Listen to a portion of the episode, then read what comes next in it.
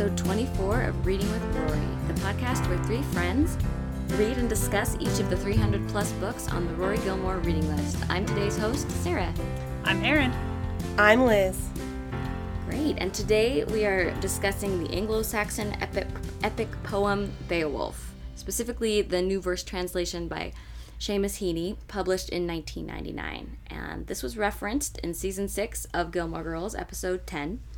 Uh, he's slipping in bread, dig, which is the name of the episode, uh, and it's it's after that whole period when Lorelai and Rory aren't speaking, and uh, which was so sad. Those were some hard episodes. Yeah, right? I didn't like those episodes. Yeah, they weren't my favorite, but so it's like they've reconciled, and Lorelai's filling Rory in on all this stuff she's been, you know, pop like things she's been consuming in their in their um, rift, and so she tells her she started and then promptly stopped reading the the the, the Heaney translation that Rory had recommended. So. Uh, so we So have it Lo- wasn't Lorelai's back. yeah, no, we have Lorelai's review. Before we get into how we feel about it, let's talk Friday night dinner. What are we eating for this discussion of heroes and monsters and myths? Erin, what about you? Well, I am not eating anything right now because I just got back from afternoon tea at the Grand America Hotel here in Salt Lake City, and I'm still full from that. So that was what I had for my Friday night dinner on this non Friday night. So fancy, Liz. Um, I'm having an apple. So I'll, mu- I'll I'll mute it when I crunch it. I don't know. I think that could add like a nice like sonic, mix it up a little bit. It's very it's, it's good. It's a good apple. Maybe fitting for Beowulf too. I'm like eating it in a good way, I guess. Like it's a, not a poisonous apple. ah, okay, yep. But I didn't think of it like that way for like funny symbolic reasons. It just occurred to me. Okay. Go on. and then I am I'm in like full comfort food mode for me today. Um, I've had this kind of like like a rough couple of weeks, and you know I'm self soothing with some chocolate cinnamon bears, which are my favorite. So um, yeah. Yep. I also had this my so there's this like specialty grocery store that's in the little town where we live and um, the suburb of Salt Lake that we live in and um, and they have the best like chips and and guac and salsa that they make. And so I went there today and, they also it's also where you get the good chocolate cinnamon bears. So I just you know threw it all in there and it just has been it's been doing its job this afternoon. So it's been good.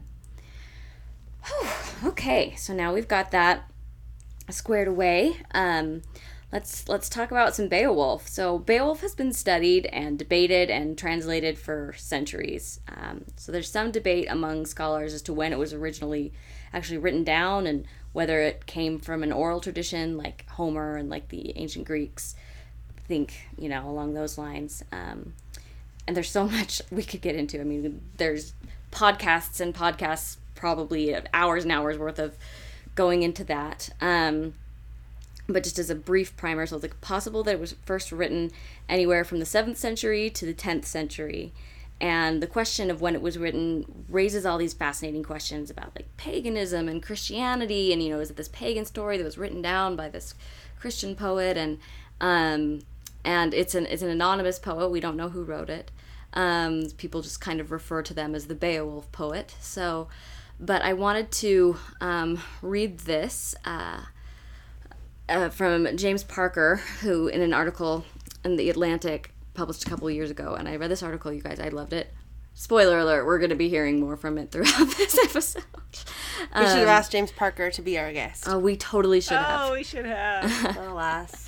So he says Beowulf, of precarious provenance, the single surviving crumbling manuscript bears the scorch marks of an 18th century library fire. So, yeah, there's just one manuscript that exists. It's in the British Library. Yeah, and it almost burnt, but they saved it. Um, hence the allusion to the scorch marks of a fire. Says Beowulf has traveled across a thousand years to lodge in our imagination like some kind of radioactive space nugget. A story from a pre Christian era written down by an anonymous Christian in alliterative Old English verse. It has an otherness, a real frosty interstellar otherness, but also a mysterious resonance. It's holding something for us, this poem, the value of which is inseparable from its long and lonely transmission. And so we keep going back to it. We wonderingly retell it, testing it on our tongues like the syllables of a dream. And I like that. I know, right? right? But just I Of a that. dream. syllables of a dream. Um, Very Atlantic. Yes, I like it. It's good.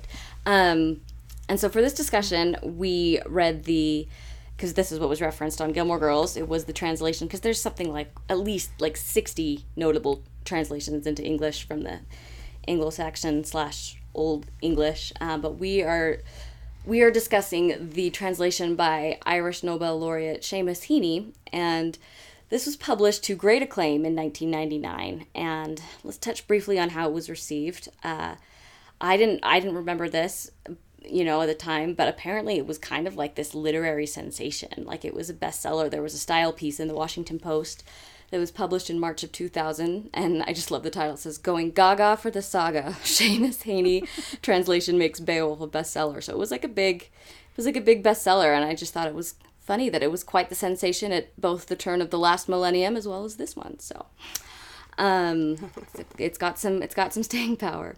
Um, so I read lots of rapturous reviews of the translation, but I wanted to get started with a pretty rapturous synopsis, again taken from James Parker, because man, that guy's a writer, right? Anyway, what's it about this running pop cultural engagement with the old poem? To begin with, there's the action, kinetic, enthralling fight scenes that go on for pages, pitting a superheroic human against a shape shifting, ever regenerating principle of destruction. Beowulf, mighty warrior of the Geats, hearing that some neighboring Danes are being terrorized by a misshapen anti-man called Grendel, crews a ship with up for it countrymen and sails to the rescue. In the great hall Heorot, built for feasts, now stocked by Grendel, a bare-handed Beowulf fights the monster, rips his arms off, or his arm off, and nails it over the door of the hall. Then he fights Grendel's mother, a water monster, diving into her demonic pond where Grendel crawled to die, and running her through with a sword which promptly melts. And then, back in Geatland 50 years later, Beowulf faces a dragon. Billows of Game of Thrones esque dragon breath, heroic paroxysms. Beowulf kills the dragon, and the dragon kills Beowulf. The end. so, so that gives us a pretty succinct description of the plot, um, which I liked. We'll get into more of the poetry of it later, but that tells us what happens. But I did want to touch briefly on how it's received by readers in general. There was one Goodreads review that I really liked um, by Goodreads user uh, Simona Bartolotta, and she said, I'm astounded by the complexity of this poem. It makes me wish my Germanic philology course lasted forever so we could analyze it word by word, slowly, meticulously, languidly. And I thought that was well said, so good job, Simona. Um, but let's talk about what we thought. Uh, what was your experience with the poem? How would you rate it? Let's start with you, Liz. Okay, okay. Um, well, so as an English major, I had I read it in college, of course. Um, right around the hubbub of the uh, Seamus Heaney translation, so it was quite the. It was, um, I was well into my Norton anthologies, and Norton anthology is really kind of what made that a big deal too. Yeah, uh huh. So They, they were the ones that approached him and asked him to do the yeah, yeah, and like I mean, a lot of my um, old English things that I read were all in a big Norton anthology too. So um, it was very much part of my college education. Um, but that being said, I don't. I just remember it being like, oh, cool, an epic poem, right? I don't remember much about it. And the reason why I don't remember much about it is because, um, like, the plot is really like action packed, but there's nothing really to the. I didn't see a lot of character development, and I mean, there's not. They're No, just like kind of archetypal characters. yeah, not really the point. Yep. No, not the point. I get that, but when I I don't I mean I wasn't reading it out loud to myself for the poetic things. So maybe if that if I was, I probably would have appreciated the poetry better. Um but I mean there's some beautiful lyrics and some des- descriptions and um kind of gruesome ones too. Let's face it, Grendel is not described well, but um Or he's described very well. it's just very evocative. I guess. I don't know. I mean, here's the thing. Like, I didn't love it. I would say it's like a 3.5. All right, hot take. Yeah. I mean, I just like, I want From our English teacher, I feel like that's kind of like going to get you thrown out of like English teacher clubs and stuff. I don't know, but whatever. You know, uh, I, I I appreciate the poetry. I do. That's not the I I I really do. Don't get me wrong. I just I don't know. I just as far as like the reading experience of it and like me like keep thinking about it. Yeah, no. Sorry. 3.5. Oh, well. Okay then. Erin, what about you?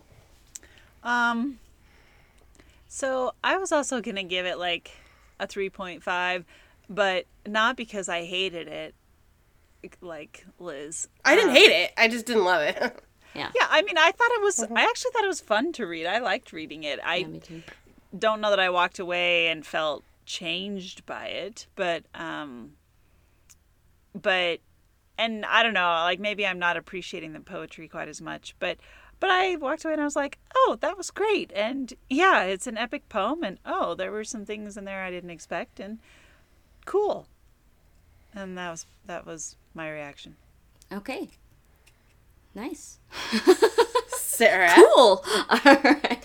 Cool. and I didn't hate it, but I didn't love it. What do we have with you? glowing endorsements. Well, I actually really liked it. I think that um, I read it in high school. Going back and revisiting it, and I think I was maybe a little more keyed in because I knew I was going to be preparing this episode.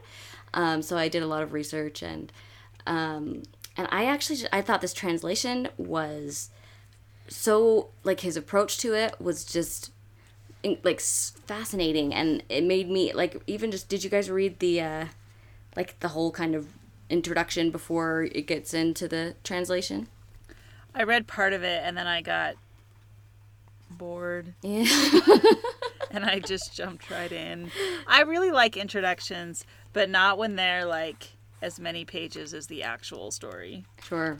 It was well i can see where he's talking about like how he had to kind of approach um ki- kind of approach the work a little bit from a translator uh, from a translator's perspective also from a poet's perspective. He was he had won the nobel prize in poetry in 1995 and he was like this acclaimed everyone said he was like the best poet in the english language kind of a thing right? So i thought it was really interesting to to read his take on it and he and how he brought his approach to it. So i think reading reading that which i want to share a little bit of um, helped me appreciate again just kind of the meat of the poetry. Um, what he says because he talked about how it was hard like he had been approaching approaching this for a long time and he wasn't really able to break through it and he's irish and um and he talked about kind of like the feelings of uh you know like anguish and alienation between like the whole english irish kind of a thing and and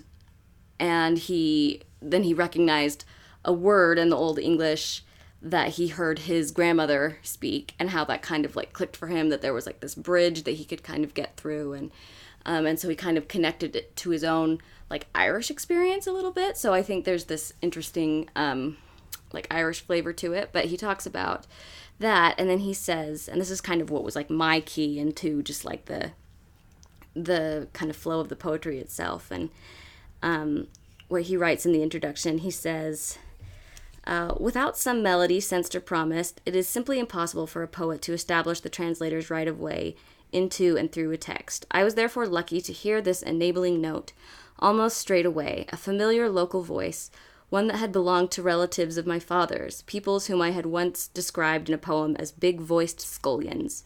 I called them big voiced because when the men of the family spoke, the words they uttered came across with a weighty distinctness, phonetic units as separate and defined as delf platters displayed on a dresser shelf. A simple sentence such as, We cut the corn today, took on immense dignity when one of the scullions spoke it. They had a kind of Native American solemnity of utterance, as if they were announcing verdicts rather than making small talk. And when I came to ask myself how I wanted Beowulf to sound in my version, I realized I wanted it to be speakable by one of those relatives. I therefore tried to frame the famous opening lines in cadences that would have suited their voices, but that still echoed with the sound and sense of the Anglo Saxon.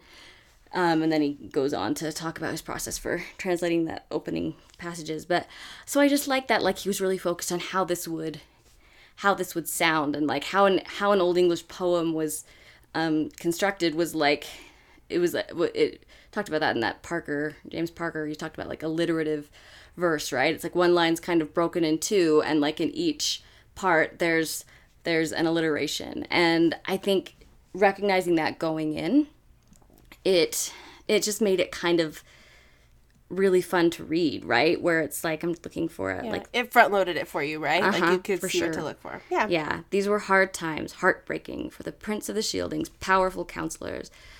Um, and yeah, I don't know. I, I- and I've always been kind of a sucker for alliteration, so I think I really liked it for that reason too. But um, I just thought it had this, you know, this meat that you could kind of sink your teeth into, even just like sonically and and and the words themselves. There were just this kind of plain power to them, but they were expressed so well, and I really liked it for that reason. So I actually enjoyed the experience of the poetry itself, and um, can see why it maybe was such such uh because it is pretty unusual for a bestseller, right? In the year 2000, like this this old thousand year old epic poem, like it's kind of inaccessible in general, right? So I like that he made it uh, maybe a touch more accessible while still kind of making it even apparently people call it like Haney Wolf because it was or Heaney is how you say his name Haney Wolf like it was there's so much of him in the in the translation itself so uh I can I can see why it had some had some of that going for it. I think it helps to be a bestseller if like every academic institution studies it. sure yeah. Like if you go to school and study language or English or literature, you're going to have to buy this in some form. So but I don't think it was just that based on what I, based on what I read yes indeed um but yeah I think that it was you know like being read in book clubs and all kinds of stuff like it kind of you know like that Lorelai is just picking it up and and you know checking it out because she's heard all this talk about it that's not just a and school assignment putting it down. sure and that doesn't surprise me given you know who that character is but still like that it's kind of like on the lips of people about what they're reading right now you know Yeah. that's interesting um so but since i was the only one that really liked the poetry maybe we well, hold on. What did you rank it? What would you say? um i i probably would give it a four i thought it was i just i thought it was cool right like erin said like there's something cool about it but i just thought it was powerful I liked and, the poetry. Don't I'm not knocking that, Sarah. You can we can talk about poetry. It's cool.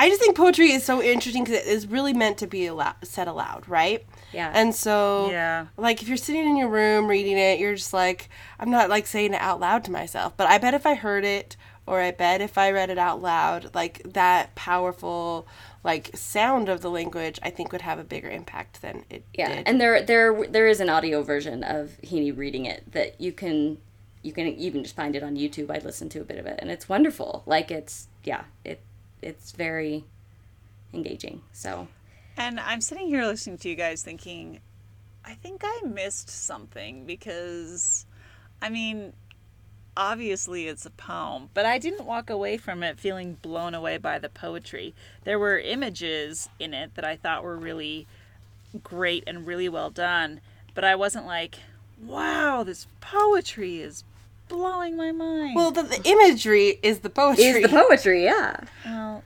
Yeah.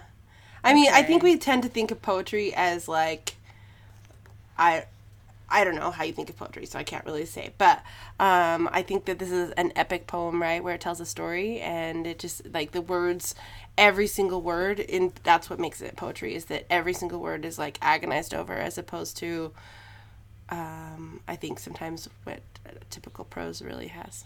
So, Yeah, that's an interesting way of. and the sound of it, it's meant to be said aloud. Yeah, it's again, it's a sonic thing, right? Like if you're so this was this is the passage that um that talks about oh do you should we do this is like a Sarah poetry reading? I'm pretty excited. For I'm yeah, well, right because now. I'm feeling like this is the this is the passage when when Grendel attacks, right? Like so Beowulf comes and he's like, I'm here to save you from this man eating monster and um and I'm gonna and there's all this fanfare and you know, like stuff before and then all the people in King Hrothgar's, you know, palace go to sleep and Grendel stays up to fight or excuse me, Beowulf stays up to fight Grendel. And so this is the passage where it, when Grendel finally comes. In off the moors, down through the mist bands, God cursed Grendel came greedily loping. The bane of the race of men roamed forth, hunting for a prey in the high hall. Under the cloud murk he moved towards it until it shone above him, a sheer keep of fortified gold. Nor was that the first time he had scouted the grounds of Hrothgar's dwelling, although never in his life, before or since, did he find harder fortune or hall defenders. Spurned and joyless, he journeyed on ahead and arrived at the bawn. The iron braced door turned on its hinge when his hands touched it. Then his rage boiled over. He ripped open the mouth of the building, maddening for blood, pacing the length of the patterned floor with his loathsome tread, while a baleful light, flame more than light, flared from his eyes. He saw many men in the mansion, sleeping, a ranked company of kinsmen and warriors quartered together, and his glee was demonic picturing the mayhem. Before morning, he would rip life from limb and devour them, feed on their flesh. But his fate that night was due to change. The days of ravening had come to an end. Um, and then, it's, yeah, mighty and canny, Hygelac kinsman was keenly watching. So I don't know. I just think there's just like Ravening. yeah, there's some good words, but I do just think there's like, as Liz said, every word is so well chosen, and and they convey this.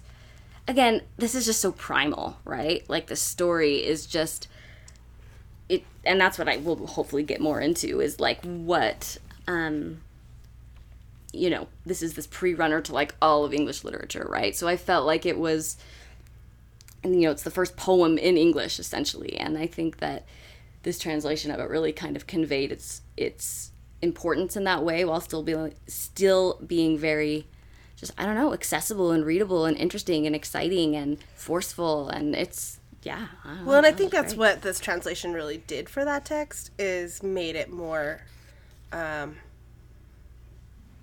uh, approachable or more accessible yeah to people than it was before. Before studying it would have been like, let's practice our old English skills. right you're like they're you're actually like having to try and make sense of it, Mm-hmm, and then also trying to like find the ways that it shaped literature. Um, and now it was now let's look at this poetry as poetry form and also Yeah, how it shaped literature. But hold on, can I say one thing, Sarah? Yeah. Like I felt like your reading, it was like Anne of Green Gables at the White Sands Hotel. White Sands well i have seen that many many times So I'm, I am doing the Gilbert clap for you right now. I, just- I didn't do the snaps. I did Gilbert claps. So you know that means so much to me no, Thank you're you. welcome. Well, I think you know I was trying to emphasize the alliteration, right? Like that's it. part of it. Thank you, thank you. hmm Well, I think that, and that's one thing that I actually was surprised about when I was reading through this, because I went, I had not read Beowulf before in school, and um, sometimes I wonder what my teachers were choosing for their books because people will be like, "Oh yeah, this book that everyone read in school," and I'm like, "I didn't read that." Well, I don't think every high schooler. I mean, I think as an English major, you read it every. Yeah, I read it in high school. I took a British literature class, and this is like the, you know, ur text of British literature. So we read it, but I don't think you read it in just general. I don't think your teachers failed you per se. I agree. Well, no, I don't think they failed me, but nevertheless.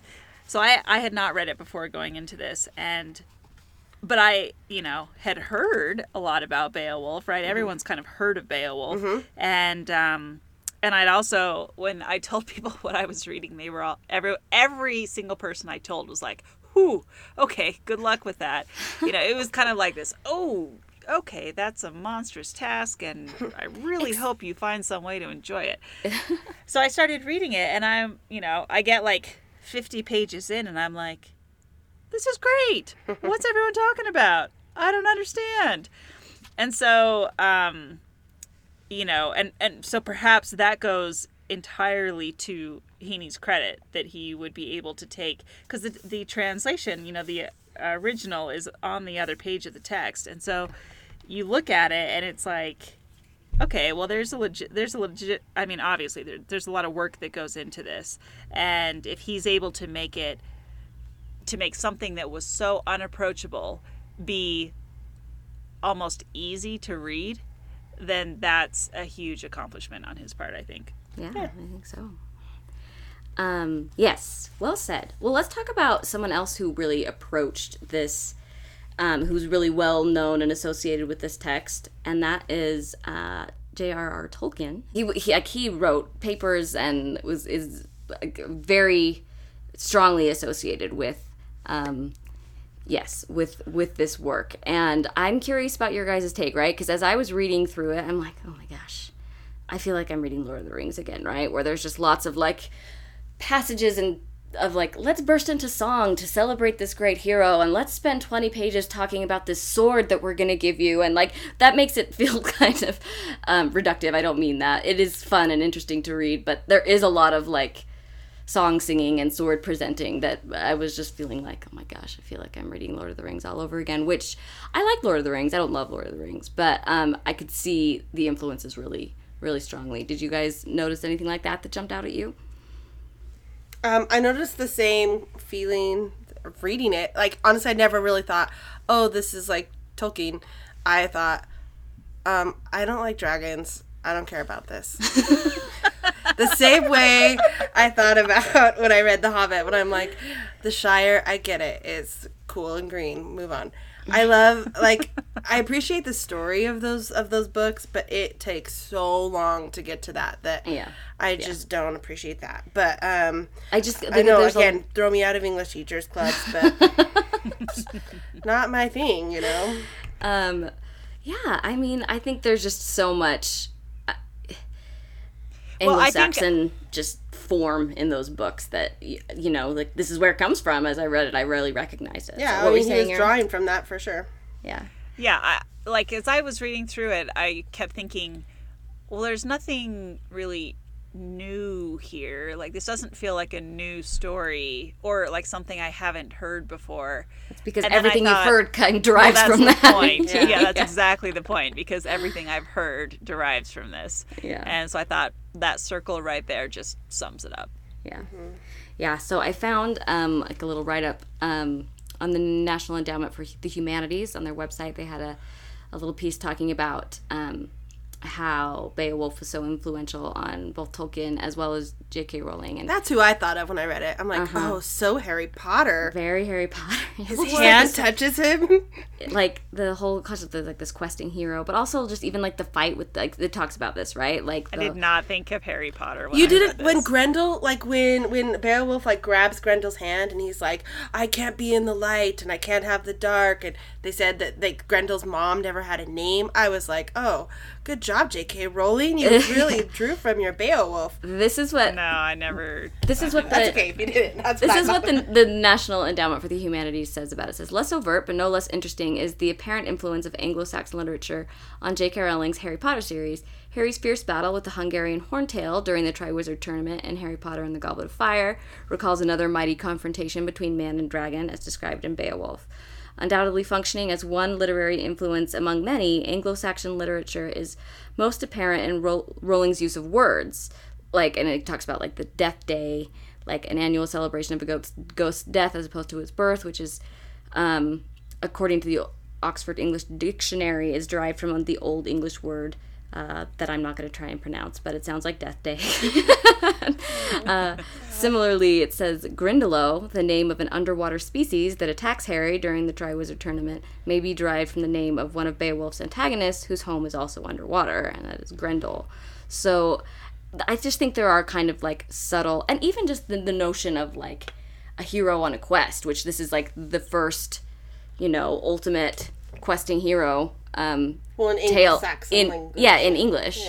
And not obviously in literature but in English. And so I think just again like yeah the two antagonists and kind of this this monster versus this hero. Are there other um I also thought of like superhero stories right? As we talked about we've talked about um uh this before in the past with our conversation about Kavalier and Clay and among other things. But you know I kind of see Beowulf as this like archetype of a superhero, right? He comes to the, the the defense of this of this country in need, sort of a thing, and he's acting out these these themes that we still see played out, whether it's in like Captain America. You know what I mean? I don't know. Mm-hmm. Am I? Is that just me?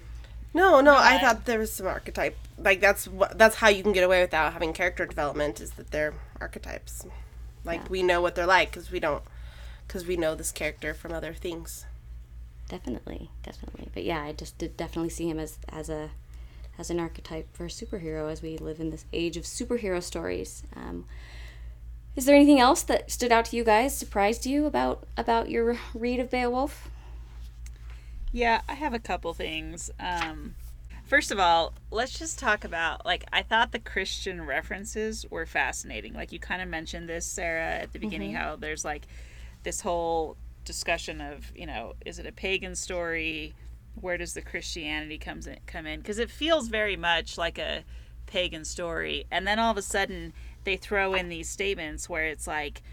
The truth is clear. Almighty God rules over mankind and always has. And you're Yeah. like, wait, what? Where'd that come from? Yeah. Uh, or like you feel like you're reading Genesis. Yeah, you feel like you're reading I'll Genesis. talk about and- Cain. yeah. oh, oh, yeah, exactly. All the stuff about Cain and you know Grendel being you know the son descendants of Cain? Cain. Yeah, the son of Cain, and all this kind of stuff. And you're like, wait. Uh, wait, I'm sorry. What? um, like I wrote a thing in here, you know, when it's talking about Cain and um, you know, it's like Grendel was the name of this grim demon haunting the marches, marauding round the heath and the desolate fens. He had dwelt for a time in misery among the banished monsters, Cain's clan, whom the Creator had outlawed and condemned as outcasts. For the killing of Abel, the eternal Lord had exacted a price. Cain got no good from committing that murder because the Almighty made him anathema, and out of the curse of his exile there sprang ogres and elves and evil phantoms, and the giants too, who strove with God time and again until he gave them their reward. And I was like, A little confusing. yeah, like what? What are we talking about here? Like monsters and Cain's reward and punishment. Okay, Well, I do think that's part of like the de- the debate around it, right? Like it clearly a story that originates from, you know, a pre-Christian Denmark slash England slash sorry, not even England, but you know, like and um, but like when it was written down, it you know this is after Christianity had come to these places, so it's kind of like yeah, kind of Christianity superimposed onto this and older- like early older myths. Christianity too, Yeah, really. oh, yeah, So it's like they're like gung ho. like Yeah, yeah. Well, yeah, and just and I thought it was interesting too, the way that they would describe people, um, or you know, kind of the this whole idea of the archetype, and how the archetype was supposed to be. So- for example, they keep talking about Beowulf as this. I mean, he is kind of a Captain America character because he Yeah. has all this integrity, and his integrity is one of the big things that makes him so, you know, remarkable as this hero. Is that he's got all of this integrity, and um, he's not, or at least not really in the poem. You know, like going around having affairs and whatever. Maybe he did, I don't know, but I didn't get that from the poem. But then they throw this stuff in where, you know, they have these little like pearls of wisdom where it's, you know, stuff like, you know, so learn from this and understand true values. I who tell you have wintered into wisdom. And, uh, you know, they talk about wisdom a lot. And I don't know, I just think it's, you know, or the idea of like, um, yeah, this whole idea of wisdom and, and Roth, uh, is it Rothgar? It's Hrothgar. You Hrothgar. H. Okay. Uh, Hrothgar's wisdom and the stuff that he says to Beowulf and the way he treats Beowulf and I don't know. It just is fascinating, kind of the way that they portray and like when um, Beowulf go, goes to fight Grendel's mother, and everyone leaves because they think he's dead but his men stay and they had just have like such faith and hope in his ability and you know and then they bring him in and they're carrying him in on their shoulders and you know it's this huge celebration and I, I don't know it's just it's fascinating it's just fascinating the way that he is portrayed because he's not a flawed hero he's a captain america hero Mm-hmm. Yeah. Yeah, definitely. And how he, you know, I don't know, just like the like his initial confrontation with Grendel. Well, I guess his only confrontation with Grendel is he's fighting in bare hands. Like he's not going to use weapons because he's just. It's again. It's almost kind of like this. yeah he's gonna fight him hand to hand Yeah, and that's kind of the signal of his virtue somehow. It's interesting. Well, and that Uh-huh. his sheer goodness is what really like defeats Grendel, not his Yeah. strength and not his like. No this is this yeah. thing that Grendel has never recognized before, right? So, I mean, I thought the thing that kind of stuck out to me a little bit as I was reading it is, well, I mean, there's a bunch of things, but like, as a foil to Beowulf, we had Unferth, right? Mm-hmm. So we have like the bad, like the truly bad Grendel and Grendel's mom and dragon, whatever.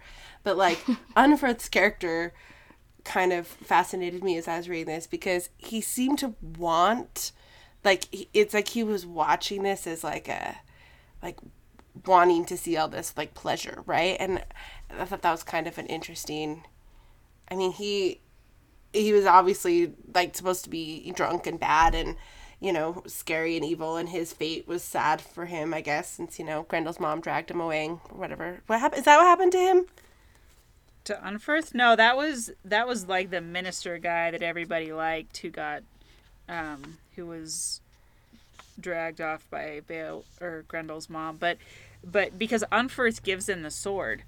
that's right that's right he comes never in okay i knew that there He was has like, a big change of heart about Beowulf. yeah yeah yeah yeah he like realized i was like there's just like an interesting like he has an interesting storyline i think Mm-hmm. Unferth. He has Yeah. kind of an arc, right? Beowulf has no arc. He just arrives fully formed as like this savior to the Danes and then leaves and he like, fights in this epic battle at his, you know, um, at his death. It's, he's the same in, Yeah. at the beginning as he is at the end. And I think Unferth does make for a kind of an interesting character. like and there's- again i there's thought some of harry potter there right like Yeah. he was you know had some harry potter character-ish things going for me No? Character-ish. I Got it. guys, I did not read Harry Potter into this at all. Lord of the Rings, you betcha. Harry Potter, I don't know. I just like I, I could said, see it, maybe like- I missed a bunch of stuff. I don't know.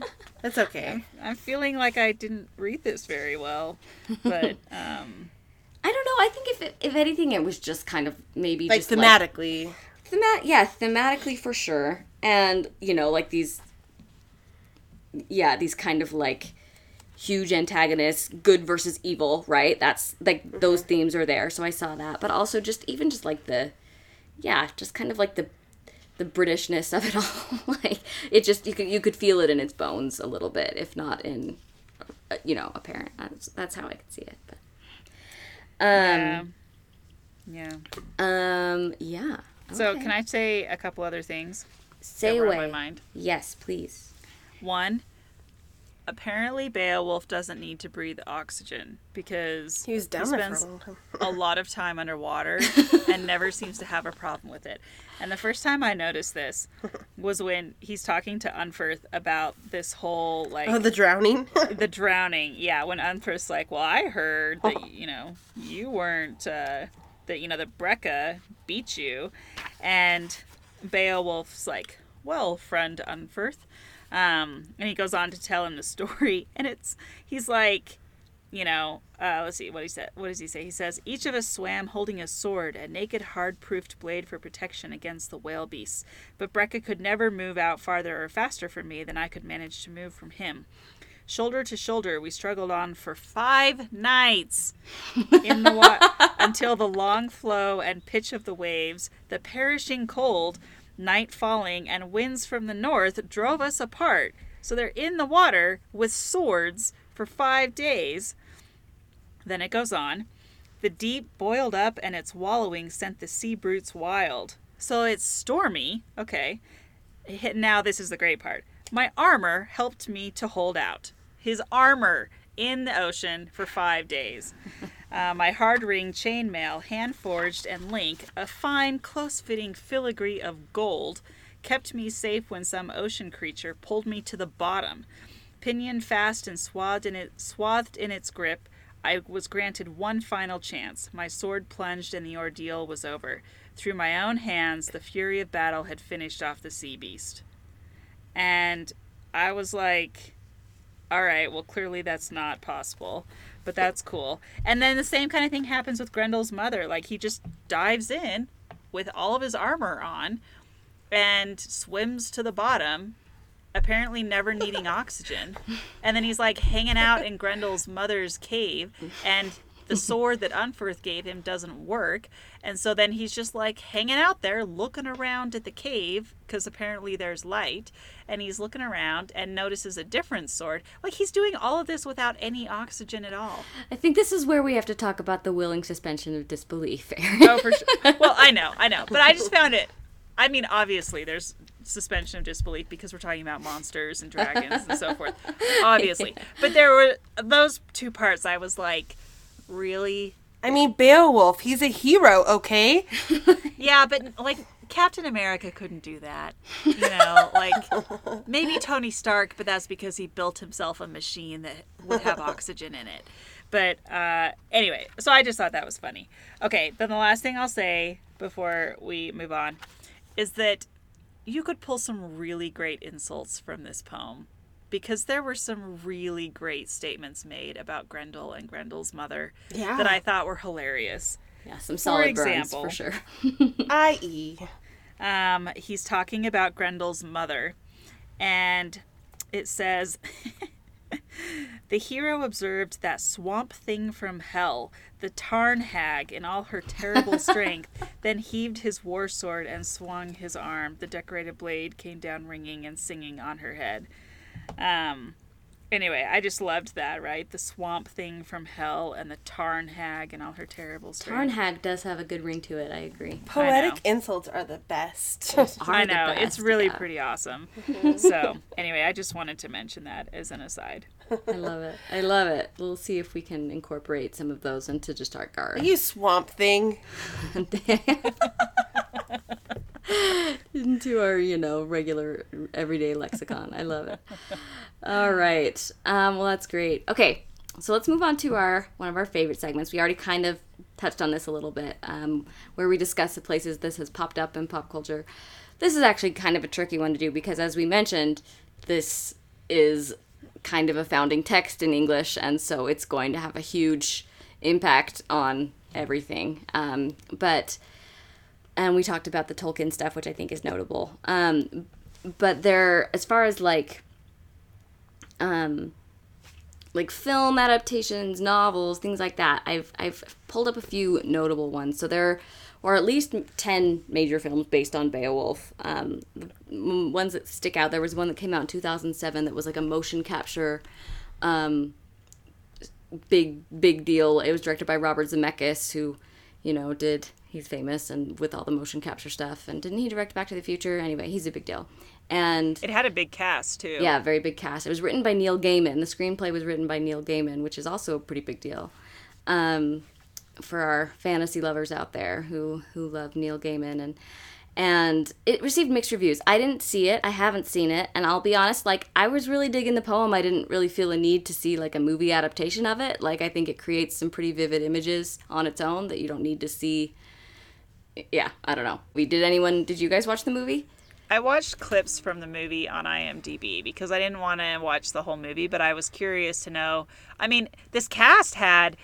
I mean, we're talking, you know, Big Angelina deal. Jolie Yeah. was Grendel's mother, and um, Anthony Hopkins plays um, Hrothgar, and I'm like, we're talking like big names are in this cast, and so Mm-hmm. I was just super curious about it because I also hadn't heard, I don't remember hearing about it at all, and uh, so I was, they have like clips of it on IMDb, and I was like, I think they took some liberties. Yeah. Oh yeah, they must. Well, because they have to. There, there's not enough care. Like actors would be like, "What do I? Like, I'm just supposed to be like, I'm heroic. I'm bad. I'm heroic. I'm bad." Like they have to do stuff with it that would be definitely taking liberties. Well, and I think they turn like th- because they're using Angelina Jolie, right? Like they make Grendel's mother much more sensual and um, seductive, and and like a monster. Yeah. yeah, and I Which also like- maybe has some weird implications that I don't love. Yeah. Uh-huh. yeah, and I was just kind of like, that's not really how they described her.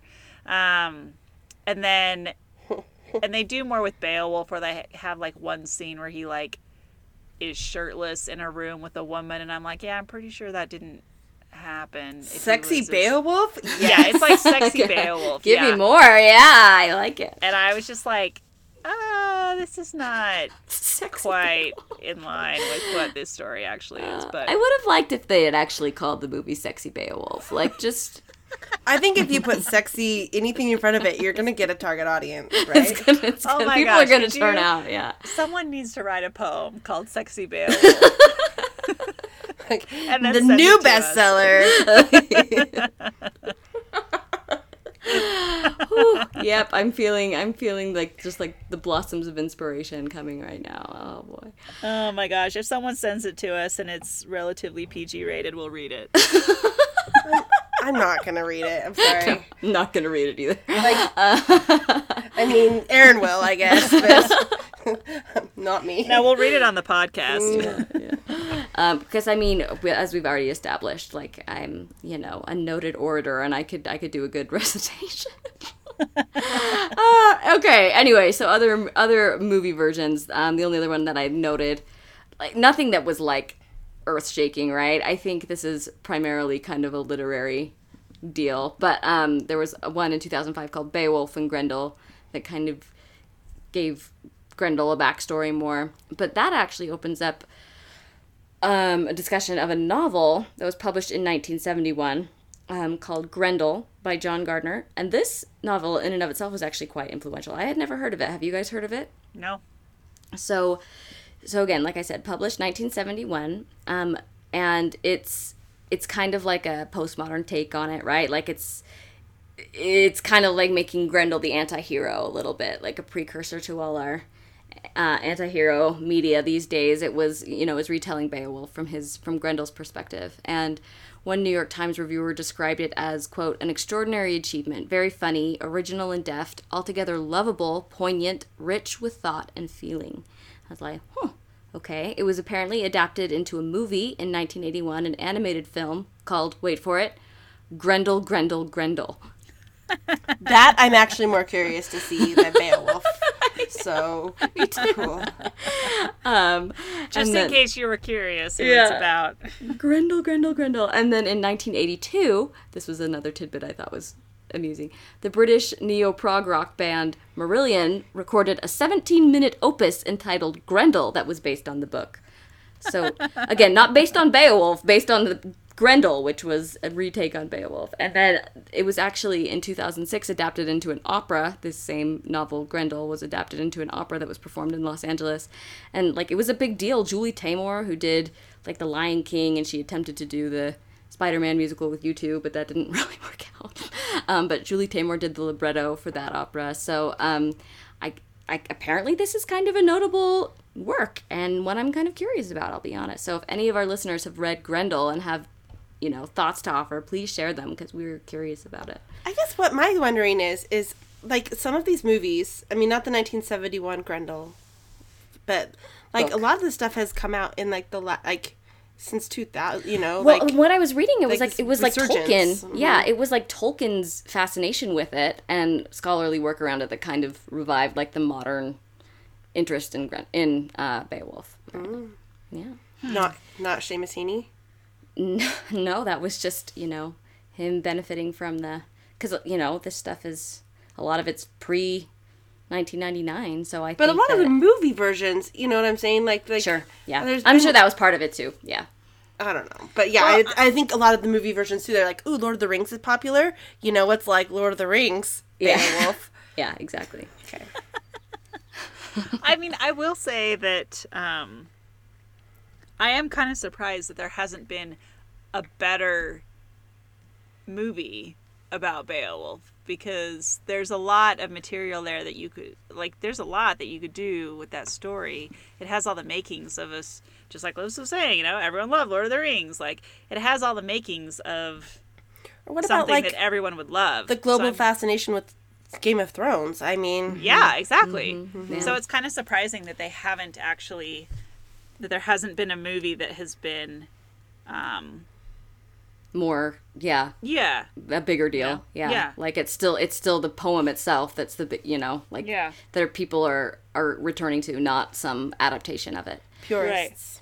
Um, well, there's al- it's also been adapted into many graphic novels, which I can see being a really good medium for this story, right? Because it could be so like visually interesting while still like you still get to experience the poetry of it, and um, and so that James Parker article that I alluded to, it was essentially a big preamble to talking about the graphic novels, and I wanted to read a stretch from this because he's talking about you know why does Beowulf still inspire such pop culture? Just what we were just talking about, right? Like what is it that we keep re-engaging with this because it is again so primal, and we, you know, I read those passages before, but here he talks about. Um, he at first he he talked about a few other adaptations and then he says much more successful and interesting have been the graphic novels. Beowulf is a natural comic book full of fractured perspectives, sudden zoom-ins and spooky poolings of consciousness around heavy metal details. January 2017 saw the publication of a gorgeous, splattery, hallucinated Beowulf by the Spanish writer-artist team of Santiago Garcia and David Rubin. In the final combat, a half roasted Beowulf, flung aloft by a whip of the dragon's tail, plummets through four circular frames like a smoking Icarus spied through a telescope. Don't you love that? Oh my gosh, this guy's such a good Yeah, writer. that's pretty great. Stephen L. Stern and Christopher Steininger's 2007 version was also pretty good. Steininger's Grendel was dripping faced and wraith like, with a curl of malevolence fuming off his scalp like a poisonous dreadlock. But it's Gareth Hinds' 2000s, excuse me, Gareth Hinds' 2000 Beowulf that is the near masterpiece, a scholarly, synesthetic freakout. Sculp goes Grendel's arm as Beowulf breaks it with his elbow, and the monster's agony, his quote, God cursed scream and strain of catastrophe, is rendered by Hinds as streamers of ancient script unwinding into the night sky. In my favorite panel, a blood red Beowulf is breaching the surface of the evil pond with Grendel's severed head hanging by its hair from his teeth and the handle of his melted sword hoist- hoisted above him like a crucifix. This is one wild image Hinds is resolving, in a sense, the tent, excuse me, I can read that better. With this one wild image, Hinds is resolving, in a sense, the tension between the pagan origins of the Beowulf story and the later Christian messaging of the anonymous Beowulf poet. Beowulf himself may never have heard of Christianity, but when he vanquishes monsters, he does so under the sign of Christ. Which I thought was pretty interesting. So I kind of want to check out some of these graphic novels, right? Doesn't that That does sound really good. Yeah. Um, so those sound really, really great. So those were um, just some of the notable um, pop culture touchstones, but I'm sure there is many, many more. So please let us know if there's any that you love or any you know that we've that we've overlooked. We are you know always looking to to to learn more about stuff we maybe maybe not have noticed. Okay, so that you know being said, now what? What have what are we inspired to do now that we've finished this poem? Erin, you're up. Well, I feel like what I should say is that I'm inspired to do a better job of reading poetry in the future. Because I walked into this with a slightly different um, viewpoint than you guys did, and I think my viewpoint was the lesser. So I luckily we have a lot more poetry ahead of us, and I'm going to approach them in a little different way than I did this one. Um, I don't think your approach is lesser. I There agree. isn't a lesser or greater approach. So Well, okay, let me. Okay, so let me clear. I think I, I was just unprepared to appreciate poetry. Beowulf. Yeah. Uh-huh. Okay. Well, that's not fair. poetry, but but the, The poet- poetry of Beowulf. Yeah. You know, Yeah. like like Sarah, you talked about how you had read all this stuff before going into it, so the meaning of it was much greater than just walking into it cold. And I, partly for lack of time, just walked into it cold. And I think it's difficult to walk into something like that cold and to really truly appreciate the full grasp of it. Got it. So I I guess that's what I'm saying. You know, going into poetry, you know, moving into poetry going forward. I mean, even the same thing could be said about something like the bell jar, right? Like understanding that Sylvia Plath was a poet changes the way you approach how you read that book. Mm-hmm. So, yeah, that's what I'm saying. Got it. Got it. Got it. I like it. Liz, what about you? What were you inspired to do? Um, so again, I was kind of like drawn into the archetypal things of the the archetypal nature of those stories, and so like the nerd side of me was like, all right, power myth, here I come, right, Joseph You're, Campbell. Like, to go watch. like I'm gonna pull him a Rory and a Paris. and just- Listen, watch The Power of Myth. You're not spending your spring break with Bill Moyers. so I mean, it is it is a good, fascinating watch, and so I'm excited. So good times. okay, fair enough. I like that. Um, I mean, we actually could talk a lot about that because, and spoiler alert, our next episode is on the Bhagavad Gita, and there's a lot of. I've been doing a lot of reading about myth and learning about myth, and um, I felt like these will kind of go of a piece together, so I'm excited about that. So good on you. I'll bring my power myth knowledge. Do it, do it. Yep. um, as for me, I think I was inspired to just like go on some kind of a quest. I mean, Oh my gosh. Go you know, find yourself a dragon. yeah, No, not a dragon, because you'll die. Go find That's- yourself yeah, a Grendel. Grendel. Dragons yeah. are all symbolic. wow, that's like the most positive thing I've ever heard you say about a dragon. So well done. Pete's dragon is symbolic. Liz, I feel like we need to discuss your relationship with animals. Yes. because- no, I don't think we should unpack that. oh boy. Because dragons aren't real and they're not an animal, they're symbolic. That's what they are. Fair enough. All right, fine. Um, uh, we'll get it out of her eventually, Erin. Don't worry. Well, there are enough animals in the stories that we're going to be reading that, you know, Yeah. over time it will happen. Okay, good. But I want to know more about Sarah's quest. What My are you going to quest? quest for, Sarah? I mean, I like whether it's a quest for like a donut? a donut. I mean, like the perfect donut. No, not really. I'm kind of over donuts right now. Um, but yeah, I just uh, maybe I'm thinking about this.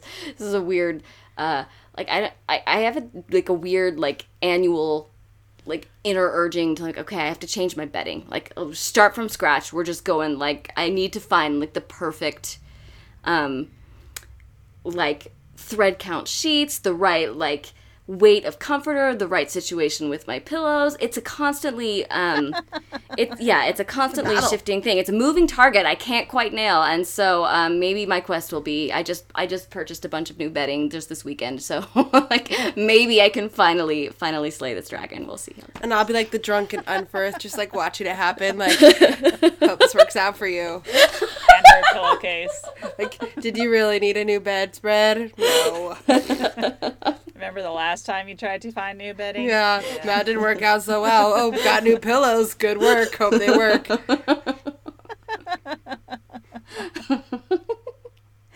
Oh wow! All right. Well, it's good. It's good times. Um. all right. Well, that's great. What did you, our listeners, think of Beowulf? Please tell us. Come find us on Twitter, Instagram, and Facebook at Reading with Rory, or come find us on our website at readingwithrory.com. You can follow us on Spotify. Um, this should make for an interesting playlist as we throw this together. Maybe just lots of like Celtic, um, like relaxation music. I don't know. We need that 17 minute opus. Oh yeah. Like relaxation music. They're fighting I know, I know. demons and dragons. It's not relaxing. Oh boy. Um, let us know, as I said, if there's any of the pop culture references that we missed. Um, you can let us know, send us an email, and we'll we'll shout it out on a future show. So next time on Reading with Rory, we'll be joined by friend of the podcast Arjun Julan as we discuss the Bhagavad Gita, and we can't wait, and we can't wait for you to join us. So until next time.